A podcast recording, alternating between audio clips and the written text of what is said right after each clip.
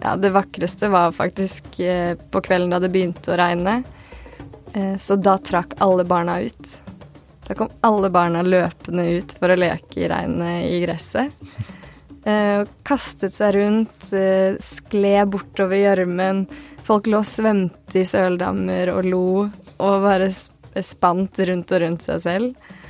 Og da Ja, det var da jeg ikke hadde lyst til å dra hjem igjen, for da var det en eh, kontrast til hverdagen her.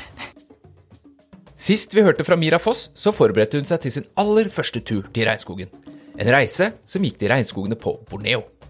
Vi snakka litt om forventninger, hva hun grua seg til, og ikke minst hva hun gleda seg til. Nå er Mira tilbake fra Borneo, og vi har kapra henne rykende reisefersk rett inn i studio for å høre om opplevelsen hennes. Ble forventningene hennes oppfylt? Møtte hun på de krokodillene hun var så nervøs for? Og ble turen hennes en type 1, type 2 eller type 3-eventyr? Mitt navn er Joe. Du lytter til Regnskogpodden, og i denne episoden er Mira Foss tilbake med ferske historier fra regnskogen på Borneo.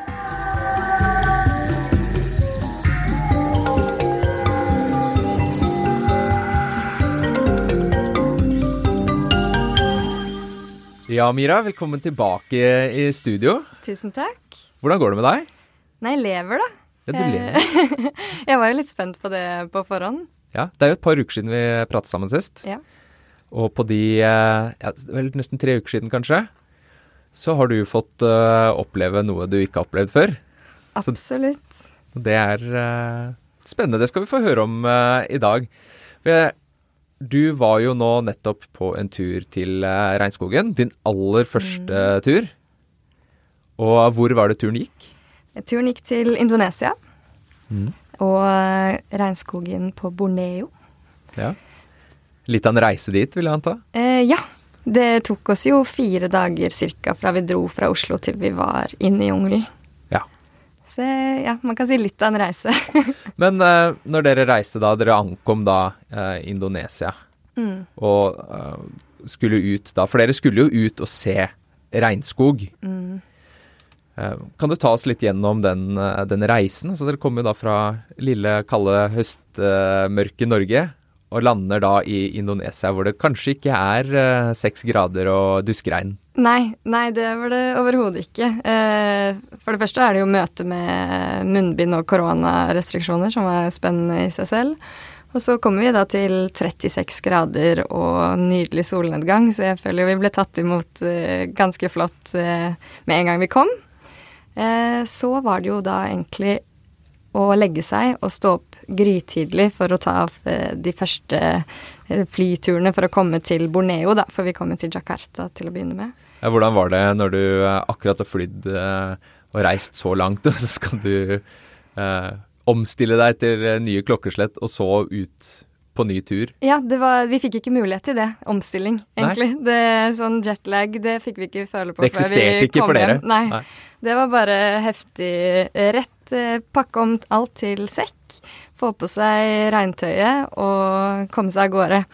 Vi var jo veldig forberedt på at regnsesongen var i gang, og at vi egentlig skulle være eh, gjennomvåte og litt klamme og ja, hele den greia der hele veien. Eh, og vi har sett veldig lite regn ja. til å være på en regnskogtur. Så ja. på godt og vondt, kanskje. Det gjør jo kanskje reisen litt mer uh, behagelig, men det er jo klart at uh, helt sånn rent naturlig, så i en uh, regnsesong så skulle du gjerne sett litt regn, da. Ja, ja, absolutt. Og vi, uh, vi brukte Altså, det var, har vært litt regn, men vi brukte også kanskje to dager på å finne ponchoer. Så det også føles jo litt sånn bortkastet tid akkurat uh, etterpå. Men oh, ja, det var før dere reiste? Ja, både i Oslo og i Indonesia. det var så vanskelig å få tak i poncho, faktisk. Ja, det var det. Men, Men uh, vi, gjorde det, vi, gjorde det, til slutt, og vi var godt pakket inn og godt forberedt. Eh, kan le litt av det nå etterpå, hvor, mye, hvor godt forberedt vi var, hvor mye vi hadde med oss, hvor tung den toalettmappen var med alt av piller og kremer og tilfelle, tilfelle, tilfelle.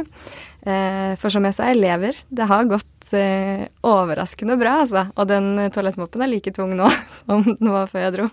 Ja, du ser like blid fornøyd ut som før du dro òg, så ser det ut som det har vært greit. Det har vært en helt fantastisk reise eh, over all forventning. Jeg var jo veldig nervøs, faktisk.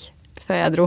Mm. Jeg klarte å bli liksom eh, Jeg hadde tenkt gjennom alt som kunne gå galt. Eh, men jeg gledet meg fortsatt. Jeg var veldig spent eh, når vi satt på det første flyet til eh, Borneo. Da tror jeg Ja, det var et et lite øyeblikk der hvor alle var helt stille. Fått på seg sekken, og eh, jeg tror det var mye følelser som, eh, som gikk rundt. For det var jo eh, første gangen eh, eh, for ja, tre av oss, da. Ja, da blei det plutselig ekte, på en måte, når Ja. dere satt der og visste at dere var på vei ut Ja. eh, til regnskogen. Ikke bare skulle dere ut Dere skulle jo ikke ut på en turistrute heller. Nei. Du visste jo det på forhånd at dere skulle jo ut eh, på en ordentlig regnskogstur. Ja. Men da eh, ankom dere da altså på Borneo, og Mm. så gikk turen videre til Eh, vi dro til Nord-Kalimantan, da, som eh, man sier i Indonesia. Så vi eh, kom til en by som heter Tarakan, hvor vi måtte ta eh, speedboat. Det var det jeg hadde hørt. Vi skal ta en speedboat. Jeg var veldig spent på, på det. Eh, det var vel Ja, den gikk fort. Eh, veldig spennende opplevelse. Vi hadde jo også med oss eh, redningsvester fra Norge, så vi satt jo der med redningsvesten vår og regntøy på denne speedbåten. Jeg så på filmer av det som jeg har tatt i går, og det er veldig kult å se, for vi da tar av fra den lille byen Tarakan, og så ser du vi kjører forbi liksom by, og det blir mer og mer eh, trehus, og til slutt så er det bare grønnere og grønnere skog, større og større trær. Så det var en veldig sånn kul overgang, eh, akkurat den reisen der. Og så kommer vi da til en mindre by som heter Malinau, hvor vi møtte samarbeidspartnerne våre som vi skulle reise sammen med. Varsi, som har tatt helt vanvittig godt vare på oss. Eh, og da gikk turen videre fem timer med bil. Eh, så denne dagen her var jo da eh, fem, tre timer med speedboat, fem timer med bil. Eh, på en sånn eh, Den speedbåten har fire svære 250 hestekrefters motorer bak, og jeg satt ved siden av de, så jeg liksom sitter ved sånn lyden. Og så er det så ristebil, for du kjører gjennom eh, jungelen i fem timer. Og så kom vi frem til den første landsbyen hvor vi skulle, eh, skulle bo, da. Så du har fått eh, sånn shiatsu-massasje hele veien? Ja. I åtte timer med risting og dunking? Ja. Ja. Absolutt. Så da var jo inntrykkene ganske overveldende når vi kom inn i, inn i skogen og den første landsbyen, da. Mm. Hvor også programmet sto klart for oss. Eh, og vi var veldig godt eh, tatt imot. Jeg kunne du fortelle litt om hvordan denne landsbyen var? Du nevnte jo litt dette med den gradienten, at du reiste liksom fra en liten, en liten by, og så ble det mer og mer jungel. Og nå er det da fremme i den første landsbyen. Hvordan er det der? Det er jo helt annerledes enn jeg hadde forventet, på en måte. Eh, vi blir jo tatt imot av eh, eh, landsbylederen, da, og invitert til å bo hos han og hans familie. Og det er jo det største huset i landsbyen. Og det er ganske moderne. Ja. Så der fikk vi jo et, eh, et rom til oss jentene med vifte, faktisk. Så eh, der slo vi opp myggnettingen vår og, og liggeunderlaget, for det er ikke noe mer i de rommene enn den viften. Um, men jeg var overrasket over hvor, hvor uh, moderne det huset var, da. Mm. Ellers så var det um, en vei med små trehus i nydelige farger, fullt av blomster rundt, og haner som løp rundt, og hunder som løp rundt, eh, kanskje 100 meter ned mot en elv. Um, og omringet av eh, Omringet av regnskog og den nydelige disen som du ser på alle bilder, da. Ja. Det hørtes jo ganske paradisisk ut, sånn til å begynne med i hvert fall. Ja, ja. Ja. Absolutt. Og hva var det dere ble møtt med der? Du sa at der var liksom ting i gang. Ja, der eh, hadde jo eh, barna øvd på sang i en uke. Oi. Åtte timer om dagen. Så de var så klare for at vi eh, skulle komme. De hadde kledd på seg finstasen og hadde to sangnumre som de sang for oss, da. Som handlet om eh, hvorfor skogen er viktig. Så var det taler fra alle lederne. Eh, tradisjonell dans av det paret vi bodde hos. Um, og litt eh, taler fra oss også. Og så fikk vi se også hvordan eh, de jobber med ulike prosjekter. Så det eh, var en eh, nydelig program. Lang kveld. Eh, også med tanke på at den jetlagen ikke eksisterer. Ja, det høres ut som eh, både slitsomt og fint. Um, Ja. Disse prosjektene som de jobba med, var det, var det For hva var det dere egentlig skulle i denne landsbyen? Um, for jeg regner med dere hadde et spesifikt program, og at det programmet var lagt for en grunn. Ja, eh, så vi dro med samarbeidspartneren vår Varsi, som har eh, forskjellige prosjekter med disse forskjellige landsbyene vi skulle besøke. Og her var det spesielt det vi fikk presentert, var et eh, eh, digitalt kommunikasjonssystem som de har eh, opprettet for å dokumentere alt som, som skjer i denne landsbyen. Da. Hvor mange som bor der, hvor mange husholdninger, um, hvor mange barn, aldre eh, og alle den type ting. Så da fikk vi eh, presentert hvordan det så ut, da. Det var hovedprosjektet den kvelden. Ja, så rett og slett et digitaliseringsprosjekt. Det var jo kanskje ikke helt det jeg hadde sett Nei, for det er meg. ikke, det er ikke helt uh, vi hadde sett for oss heller, Nei. men det er jo det som er viktig for å uh, kunne dokumentere uh, at, de, ja, at de finnes, da. Ja, helt klart. Så da var dere altså i denne landsbyen. Hvor lenge var dere ved den landsbyen? Eh, Nei, vi kom vel ca. klokken fem, og så dro vi videre klokken ti morgenen etter. Ja. Så vi var oppe klokken seks for å få snakke med eh, to forskjellige ledere i denne landsbyen før vi skulle reise videre. ja. Jetlag eh, eksisterer fremdeles ikke? Nei. Og her er jo jeg ganske eh, egentlig nervøs fortsatt, fordi dagen etter er da vi skal ta den fem timer lange elveturen i en liten trebåt, og jeg har ganske skrekk for krokodillene, som vi snakket om sist. Ja.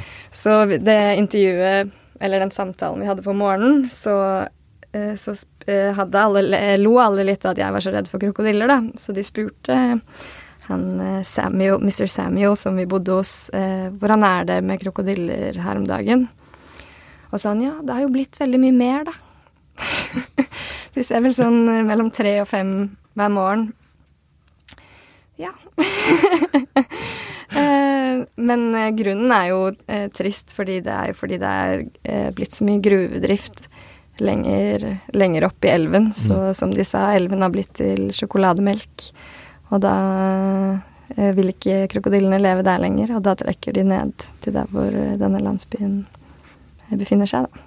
Ja, det er jo klart. Altså, de fortrenges jo vekk. Og så Ja. Eh, en liten, eh, liten påskenøtt oppi det hele, så er det sånn at eh, man har jo fredet den krokodillearten, eller hvert, to, i hvert fall to av krokodilleartene som lever der. Så det er klart at på noen år så har det blitt flere av de i tillegg til at det fortrenges vekk. Så Ja. det er klart at da blir det jo flere av de. Men, så du var altså veldig nervøs for disse krokodillene. Ja.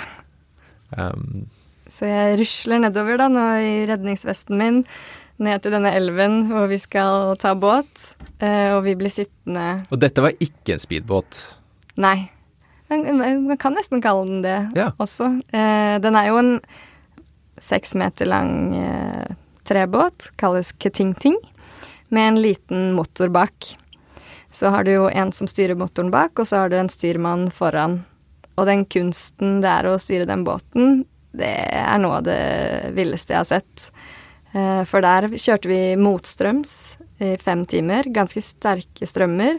Mye stein, mye eh, grunne. eh, For det er jo ikke en så veldig bred elv. Og hvordan han som satt foran, bare liksom gynget litt den ene veien eller den andre veien, ga noen små tegn. Og hvordan vi kjørte mellom steiner på begge sider, og alt gikk helt fint. Ganske ja, beundringsverdig, egentlig. Den eh, Jeg vil kalle det en kunst, det de drev med. Ja. Men det var også eh, Ja, det ble faktisk den beste delen av turen, den båtturen. Ja, for da skulle dere enda dypere inn i, i jungelen? Ja. Mm. Og det fikk vi også da Jeg trodde jeg hadde sett på speedbåten dagen før at det ble frodigere og frodigere. Så ble det noe helt annet når vi var ute på den elven, og ja, det var helt fantastisk. Det var så vakkert. Trærne ble høyere og høyere, og vi vet ikke hvor mange eh, Ja, mange, mye forskjellige typer planter og trær vi bare så på så korte strekninger. Plutselig stopper vi bare og spiser lunsj alle sammen på en, en liten Altså eh, et bitte lite berg. Eh, det var en helt magisk tur, egentlig. Mm. Ja, det er rart med det hvordan uh, den baselinen du går inn i jungelen med, forventningen du har, og så ser du at oi, nå blir det Nå, blir det, nå er jeg i jungelen. Mm. Og så blir det enda mer jungel og Ja, enda mer ja. jungel. Og sånn har jo egentlig hele turen vært, da, for vi har jo dratt lenger og lenger inn i jungelen for hver dag. Ja, for uh, når dere reiste rundt da, uh, Mm. hvor mange stopp var det dere hadde på, på turen? Vi var eh, Vi besøkte tre forskjellige landsbyer. Mm. Vi skulle egentlig besøke fire. Mm. Um, så er det jo noe um, kulturforskjeller som gjør at man kanskje ikke alltid får all informasjonen uh, som er uh, ikke den positive informasjonen, da, for å si Nei. det sånn. Så vi måtte gjøre en risikovurdering uh, på et tidspunkt som gjorde at vi endte med å ikke dra til den fjerde landsbyen. Mm. Og det var fordi um, det, da, den natten før så regnet det ekstremt mye. Og det ingen hadde fortalt oss, var at vi måtte krysse eh, elven to ganger for å kunne gå til den landsbyen. Mm. Og da med vann opp til brystet cirka. Mm. Med sekkene våre på 15 kilo uten noe eh, form for sikkerhet. Mm. Og da hadde vi jo sett de strømmene eh, vi hadde kjørt gjennom dagen før. Eh, og resten av turen var egentlig opp bratt fjell, eh, som også var veldig vått, og gjennom bekker og eh, diverse, som vi hadde prøvd oss på dagen før, med et par skader. Ja. Så da vurderte vi det til at det var eh, ikke sikkert å ta den turen den dagen, da. Kan nok kanskje ha vært en god vurdering. Det er jo eh, Markedsavdelingen er vel kanskje ikke ekspedisjonsavdelingen, så treningen var vel kanskje ikke eh, for å gå ut på ekspedisjon heller. Eh, Nei. I tillegg til at du har jo ikke lyst til å ligge der i trøbbel langt unna eh, sivilisasjonen. Nei. Nei. Og så var jo da to av oss eh, skadet. Og eh, det var jo den, det dypeste inne i jungelen vi skulle. Man måtte Ja. gå dit. Det var ikke noe annet eh, alternativ enn å gå i tre timer gjennom da elv og fjell. Ja, hva tenkte du da når den avgjørelsen ble tatt, at eh, ok, da reiser vi ikke til den siste? Åssen føltes det for deg? Eh, det var Det var jo litt bittert, fordi man hadde jo veldig lyst til å, å se det. Um, men det endte veldig bra, fordi vi fikk så Vi fikk da en ekstra dag i en annen landsby, og vi hadde et ganske tett program, så vi fikk oppleve så mye flott da vi ble. Eh, Så jeg ville jo ikke vært foruten den dagen vi hadde der, for det ble den beste dagen på hele reisen. Ja, åssen da? Da fikk, eh, da fikk vi senke skuldrene og bare leke og bli kjent. Og jeg satt timevis og sang med barn og spilte fotball og hjalp til å jobbe, og det ble en helt annen opplevelse enn å, enn å hele tiden være på, på tur, da. Ja, en liten, kanskje en liten kontrast til den første dagen hvor, eh, hvor det var oppstilling med sang og taler og sånt, og så plutselig Ja. fikk du lov til å ta del i hverdagslivet. Ja. Jeg ville jo ikke dra. Jeg var sånn ha det. Nei, hvor er Mira henne? Nei, du, hun ble igjen. Jeg vurderte å gjemme meg på et tidspunkt. Men eh, nå er jeg her, da. Men eh, det var eh, Ja, det var en helt annen landsby som var på en måte rund. Så det var en svær slette i midten, type en fotballbane. Og så var det små hus rundt hele denne, så omringet av elv, og så skog rundt der igjen. Og der var jo Denne sletta var jo på en måte en lekeplass, da. Hvor alle bare løp rundt og koste seg. Um, og ja, det vakreste var faktisk eh, på kvelden da det begynte å regne. Eh, så da trakk alle barna ut. Da kom alle barna løpende ut for å leke i regnet i gresset. Eh, kastet seg rundt, eh, skled bortover gjørmen. Folk lå og svømte i søldammer og lo. Og bare spant rundt og rundt seg selv. Og da Ja, det var da jeg ikke hadde lyst til å dra hjem igjen, for da var det en eh, kontrast til hverdagen her. Ja, det jeg skulle akkurat til å spørre liksom, hvordan er den parallellen i forhold til uh, det livet som vi lever her i Norge? Når var det på en måte du sist så uh, et sånn at, at ikke bare ett eller to barn leker i regnet, men at det, hele liksom samfunnet bare lever i nuet, da, på en måte? Nei, jeg ser jo ikke det så mye her, da. Nei. Du sa jo det før du, eh, før du reiste ned eh, i forrige samtale vi hadde, så sa du jo nettopp det at du eh, tenkte ofte på Kanskje du hadde litt å lære av Mm. det å roe ned, tenke Ja. seg om litt, og ikke alltid liksom løpe fra det ene til det andre. Ja. Er det noe du har tatt med deg hjem, eller? Eh, Eller har du ikke hatt tid til å reflektere så mye over den, da? Nei, jeg skrev jo dagbok hele turen. Mm. Da skriver jeg det. Jeg må vurdere mobilbruk når jeg kommer hjem. jeg må huske på dette. Um, men så faller man. Man faller jo fort inn i hverdagen. Men jeg prøver å se på disse filmene hver dag for å minne meg på, hvis det er noe jeg syns er utfordrende eller vanskelig, hva er det egentlig som er viktig? Eller ha, ha sånn på kalender sånn Ja. I dag skal jeg danse litt mer i regnet. Ja. ja. Eh, så det Jeg har absolutt eh, lært veldig mye. Mm. Um, det er vanskelig å forklare, på en måte. Det er ikke konkrete ting, men det er det å ha de bildene i hodet og se på en måte Ja, hva er lykke? Eh, hva er man er drevet av? Og også bare hvor, hvor eh, fint det er å være samlet, som jeg skjønner hvor It Takes a Village eh, kommer fra også. For det var jo også så sprøtt å se bare hvordan alle barna eh, leker sammen. Du ser alt fra toåringer som går rundt alene, men det kommer alltid noen og plukker deg opp og tar deg med på noe. Eh, vi var jo redde for å være i vannet, mens eh, barna kaster seg jo rundt uten eh, voksenoppsyn eller redningsvest eller liksom alt det vi er vant til at det er superstrengt her hos oss, da. Eh, men det er alltid Alle føler seg jo helt trygge, fordi de er så utrolig trygge på hverandre.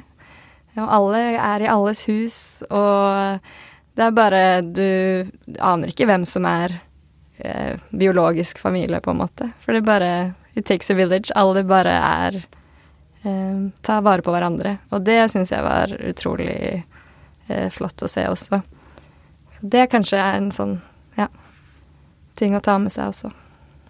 Ja, det er noe med den eh, menneskeligheten som man kanskje bare opplever i sånne samfunn. Mm. eh, som man blir litt blind på her hjemme, hvor vi skal oppnå ting, og vi skal ha mer ting, og vi skal Det er karriere, og det er venner, og det er idrett, og det er familie, og alt skal ha eh, rom i kalenderen vår Ja. istedenfor i hjertet, på en måte. Ja.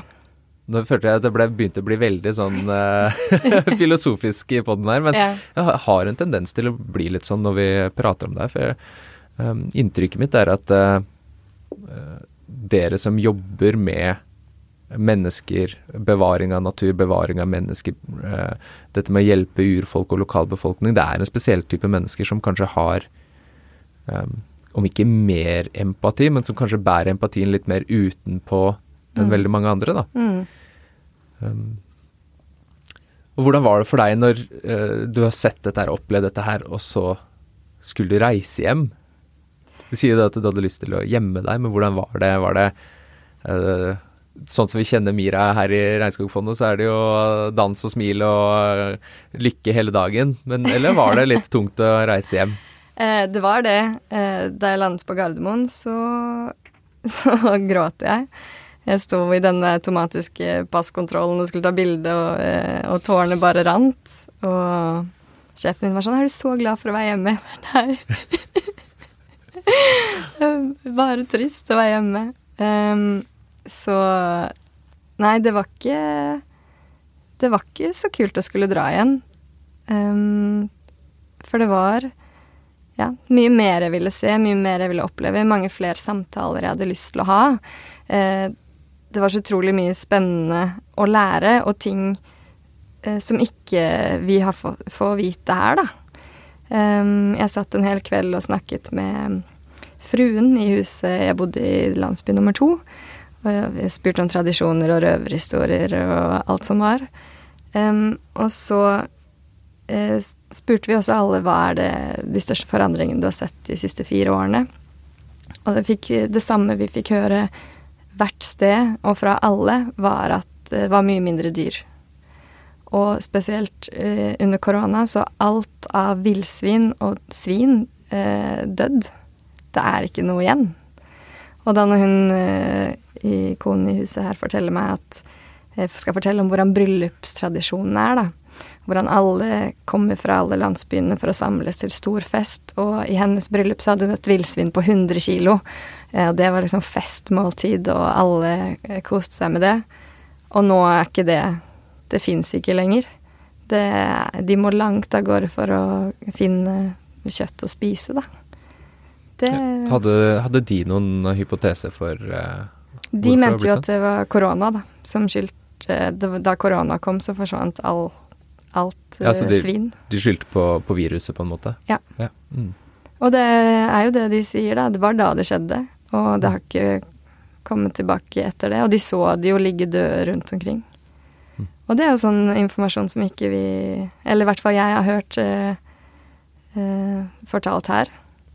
Ja, nei, jeg vet jo heller ikke noe om uh, akkurat, uh, akkurat sykdomsforløpet der i, i dyr, men uh, vi har jo sett det andre steder at um, når koronaen traff og folk ble stengt inne og fikk beskjed om at de ikke fikk lov til å reise, så begynte man jo også å jakte i mye større grad de lokale dyrene. Ja. Som gjorde at man også tømte og fikk dette empty forest-syndromet mange steder. ja. Så det er klart at det, det kan jo ha en sammenheng også med det, men det er jo en kjempestor forandring for de som bor der, uavhengig av hva som er årsaken til at dyrene blir borte. Så Ja. er det jo klart at det, når livsgrunnlaget ditt forsvinner, da, ja. og kanskje det Litt sånn som med, oss også, at de legger nok ekstra merke til det når det er eh, Når det ikke er hverdag. ja. Mens når det er sånne festanledninger og man skal ha tak i dette spesielle, som alltid har vært tilgjengelig, Mm. så blir plutselig den lille hverdagsluksusen som de har, ja. som er en megaluksus for dem Ja. i forhold til eh, hverdagsluksusen for oss. ja. Det, når den blir borte, så er det nok veldig merkbart, det. ja. Mm. Så det Det var på en måte det. De var veldig sånn Det har skjedd, og det er alvorlig, og Mm.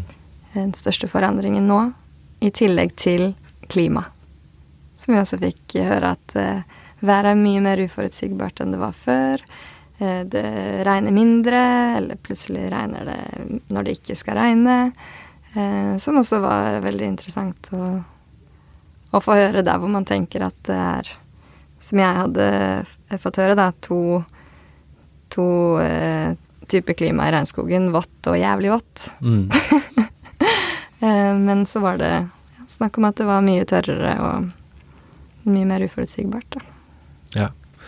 ja, nei, det er jo både dette med klimaendringer, men også dette her med at man hugger skog, i og med at regnskogen også produserer Mm. sitt eget regn. Ja. Så er det jo klart at det, det de, Og igjen, altså de merker jo det på en helt annen måte enn Mm. eh, hva vi gjør. Ja.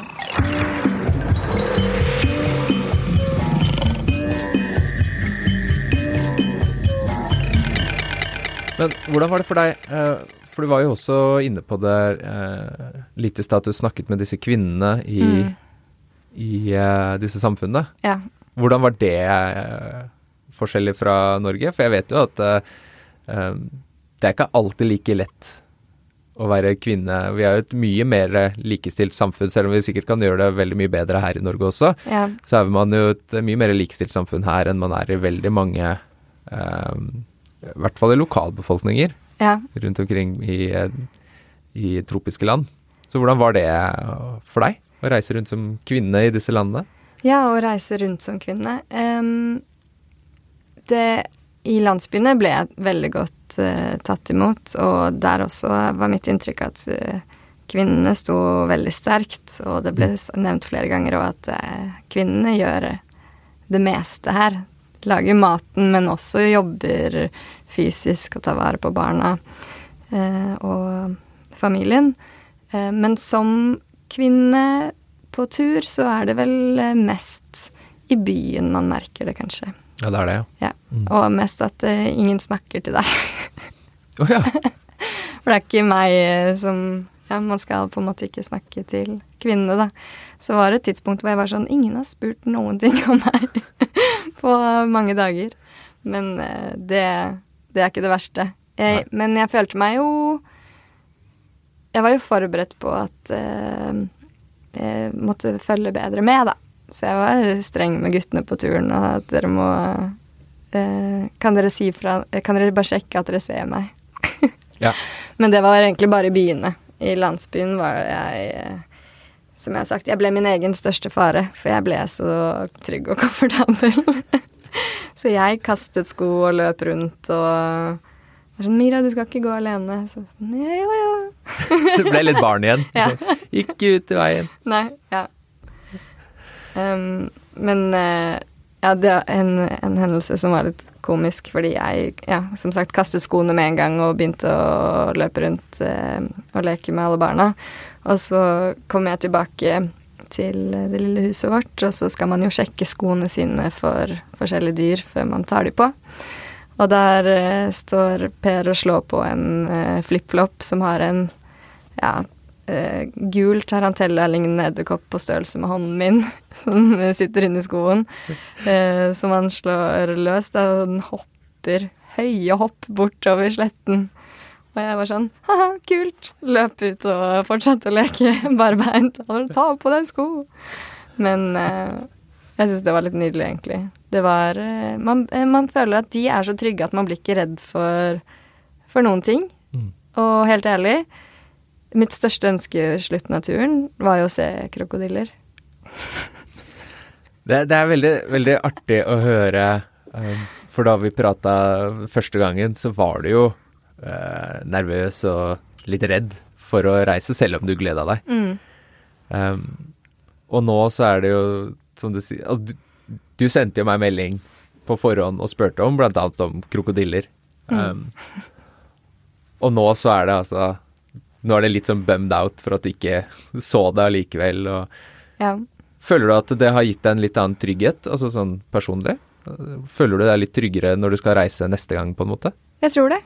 Faktisk eh, veldig. Og det har flere sagt eh, hjemme også. De som så at jeg var veldig nervøs før jeg, før jeg dro. Eh, absolutt en mye større trygghet. Mm. Eh, Det er egentlig litt sprøtt. Men eh, ja, det er jo eh, viktig at man er forberedt på alt som kan gå galt før man drar. Men eh, det kan gå veldig bra. Det er bedre å være forberedt og slippe å bruke utstyret man har med, Ja. enn å havne i en situasjon, og så har man ikke det som er strengt nødvendig der og da, Nei. tenker jeg. Ja. Ja. Eh, nå eh, kom jeg Altså, jeg fikk jo så mange spennende historier, så ja, en av historiene som også kanskje gjorde at jeg ble eh, mer trygg eh, på et eller annet rart vis, var jo at jeg da snakket med denne damen i huset og spurte om krokodiller og slanger, og om hun var redd for det. Eh, og da fortalte hun at eh, hun hadde hatt en opplevelse med en slange da hun var høygravid med sønnen sin, som nå er åtte år. Hun gikk ned til elven for å bade, og så fikk hun en slange som var på størrelse med leggen hennes rundt hodet og halsen, og naboen sto og skrek 'nå dør du'. Og alt gikk helt fint. Takk, takk for støtten til naboen, på en måte. Men det gikk helt fint. Og nå er han åtte år, som sagt, og så fortalte hun meg at eh, så pekte hun bort med en sånn stabel med puter, og så sa hun her eh, her pleier han å sove med, med disse putene, og en dag så var det en svær slange inni den ene puten. Eh, først syntes han det var litt skummelt, men så nå har de bare blitt bestevenner, så nå bare sover han sammen med den slangen hver natt.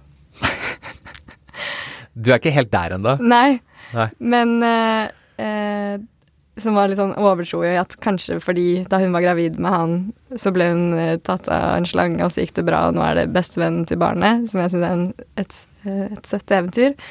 Men også at jeg da så bort på denne stabelen med puter og var sånn Jeg er litt usikker på om hun mener at den er der nå. Men jeg sov ganske godt likevel. Jeg fortalte det ikke til de andre, da. Nei, du gjorde ikke det, nei. Så de hører det når du først hører episoden nå. Vil ikke skremme noen andre. Nei. Men eh, det, det var bare sånn Hun hadde så ro og trygghet i å fortelle det også. At eh, Ja, det føltes så dumt å skulle Skulle være redd, på en måte. Ja. Ja. Hva Hadde du noen episoder da, når du var eh, redd? Du hadde skremt deg litt opp på forhånd. Var det noe du syntes var skummelt når du var av gårde, eller, eller ble alt liksom bare positivt? Og et eventyr? Det ble egentlig bare positivt og et eventyr. Det, det skumleste var vel eh, hvor eh, Ja, når blodsukkeret var lavt og søvnen eh, Ja, lite søvn. At man ble Største eh, faren var vel mellom oss da, på tur. Ja, litt dårlig stemning, liksom. Ja. Men det gikk veldig bra, det òg. Man må jo bare. Ja. Tross alt midt ute i regnskogen. Ja. og Har ikke så veldig mange andre. Nei. Så det var eh, eh, For min del så var det gikk det veldig fint.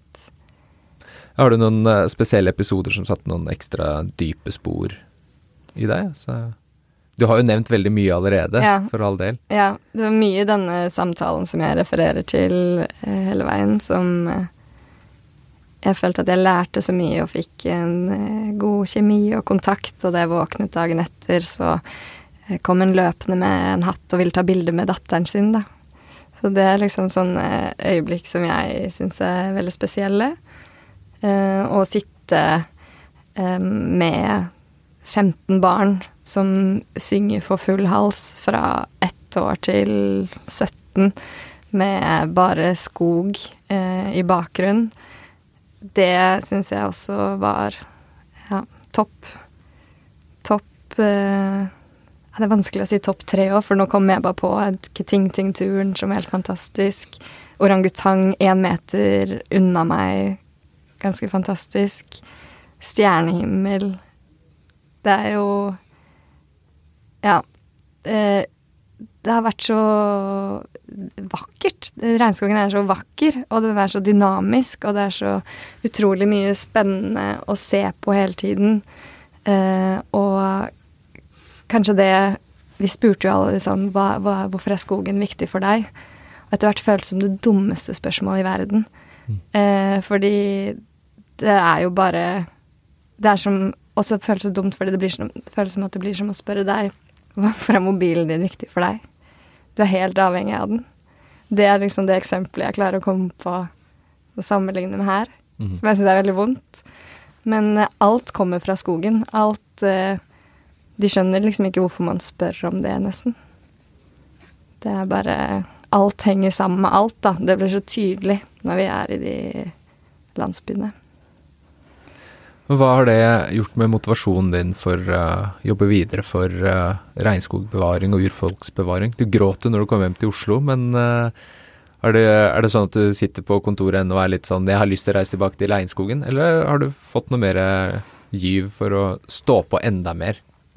Absolutt. Eh, det altså, ma- At man har fått oppleve det. Jeg føler meg utrolig heldig og takknemlig, og jeg vil at det skal være der, sånn at flere eh, Ja, at de som lever der, skal få lov å leve sånn som de gjør nå.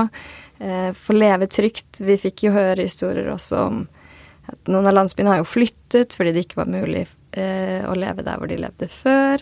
Da korona traff, så måtte alle ut i skogen flytte, flykte fra husene sine. Trodde de aldri kom til å se hverandre igjen. Um, det er Ja, jeg er utrolig mye mer. Jeg har alltid vært motivert, men jeg er veldig motivert nå for å jobbe videre og sørge for at uh, uh, ja, eh, menneskene skal ha det så trygt som mulig. At eh, dyrelivet skal uh, ja, forbli, eller komme tilbake, til og med. Og at eh, skogen skal få stå sånn som den gjør nå. For denne turen så har jo jeg sett egentlig mest intakt skog, og fått sett eh, glansbildet. Men vi fikk jo fløyet over avskogede områder eh, i propellfly og se fotballbane etter fotballbane etter fotballbane. Det ser faktisk ut som fotballbaner, lappetepper med avskogede områder. Eh, Hvor du ser de vakre elvene og skogen i horisonten eh, omringer disse lappeteppene av avskoging. Så det er på en måte det jeg har fått se av det eh, bakteppet. Um, Så jeg vet jo at det er der, og det kan bare ikke få mer plass. Så da må vi jobbe videre, få fortalt disse historiene, vise eh, Vise alt det flotte også, da. Det er jeg forkjemper for at folk skal få, få se eh, Få se hvordan menneskene lever, og hvor avhengig de er av skogen også. Mm. Det virker som du har både fått eh, sett flott natur og hørt eh, mange gode historier og hilst på fantastiske mennesker og reflektert en del. Eh, du hadde jo en kamerat som eh, nevnte noe om at du hadde tre typer turer eller opplevelser. Yes. Type 1, type 2, type 3 Eventyr. eventyr. Ja. Eh, hvordan, var, hvor- hvordan var denne inndelingen igjen? Eh, Type 1 er de eventyrene som er fantastiske når du er der, og fantastisk å snakke om når du kommer hjem. Type 2 er de som er kanskje litt utfordrende når du er der, men blir fantastiske historier etterpå. Og type 3 er verken gøy når du er der eller etterpå. Har du bestemt deg for hvilken kategori denne reisen her uh, har havna i, eller? Å, jeg, jeg forventet at jeg skulle innom alle typene på reisen. Ja, for det, det sa du at det var denne kameraten din hadde sagt at uh, du kom antagelig innom alle tre. Alle, på, ja. Eh, så vi hadde en situasjon hvor jeg sa nå er vi type 2, men jeg hadde forventet at vi skulle vært innom type 3 for lenge siden, og de kom aldri dit. Og type 2 varte kanskje en halvtime, hvor det var noe som var eh, litt kjipt. Men eh, jeg hører jo selv når jeg forteller nå, at det høres ut som type 1 hele veien.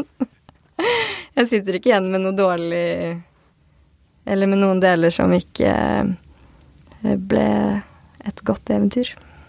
Nei. Så endte det godt til slutt, Ja. selv med alle, alle nervene som lå utenpå Ja, før avreise. ja. Så det er vanskelig, for man vil jo unne alle å oppleve det. Mm. Men hvis du skal oppleve det, så må du jobbe for regnskogen. Jobbe med, med regnskog for å få lov å dra. Så oppfordrer jeg alle til å ta et steg for regnskogen. Og eh, ja, engasjere seg. Ja. Det tror jeg kanskje er det aller eh, viktigste, at eh, alle er med og bidrar litt. Mm. Og det er jo klart at hvis man skal, eh, hvis man skal jobbe for regnskogen, sånn som du gjør, Mm. så er det også viktig at man også kjenner til hva er det man egentlig jobber for. Absolutt. At motivasjonen er der eh, fra før er jo veldig bra, Mm. men eh, jeg er sterk jeg har en sterk tro om at eh, motivasjonen eh, både blir sterkere og lengevarende dersom man faktisk vet og kjenner det man jobber for, at man skaper seg en eh, kjærlighet som man egentlig bare kan skape dersom man opplever noen ting. Da. Helt enig. Mm. Det kjenner jeg nå. Du, eh, tusen takk for alle de gode historiene. Før jeg slipper deg av gårde, så er det det obligatoriske spørsmålet som alle gjestene får. Eh, og det er jo Hva er det aller beste med regnskogen, sett i dine øyne? Og nå har jo du ganske Nå har du regnskogen ganske ferskt i, i minnet, så nå får vi høre hva du har å si. Jeg som hører på alle episodene, burde jo ha tenkt ut et lurt, eh, lurt svar her. Jeg syns det er utrolig vanskelig å svare på. Det burde vært uh, veldig enkelt. Men det er nok hvor dynamisk det er. Du får alt der. Alt henger sammen med alt. Så den må bare få stå. Det var uh, Klokere ord er vel egentlig ikke talt, tenker jeg. Du, tusen takk for at du tok med deg eh, entusiasmen din og motivasjonen din og alle de kule, gode historiene. Eh, jeg vet det er veldig mange flere, Ja. men det har vi ikke plass til i en podkast, så det får bli en hel serie senere. ja. Så da håper jeg at vi får lov til å prate sammen igjen senere. Det Så vil jeg bare si tusen takk for nå. Takk. Tusen takk skal du ha.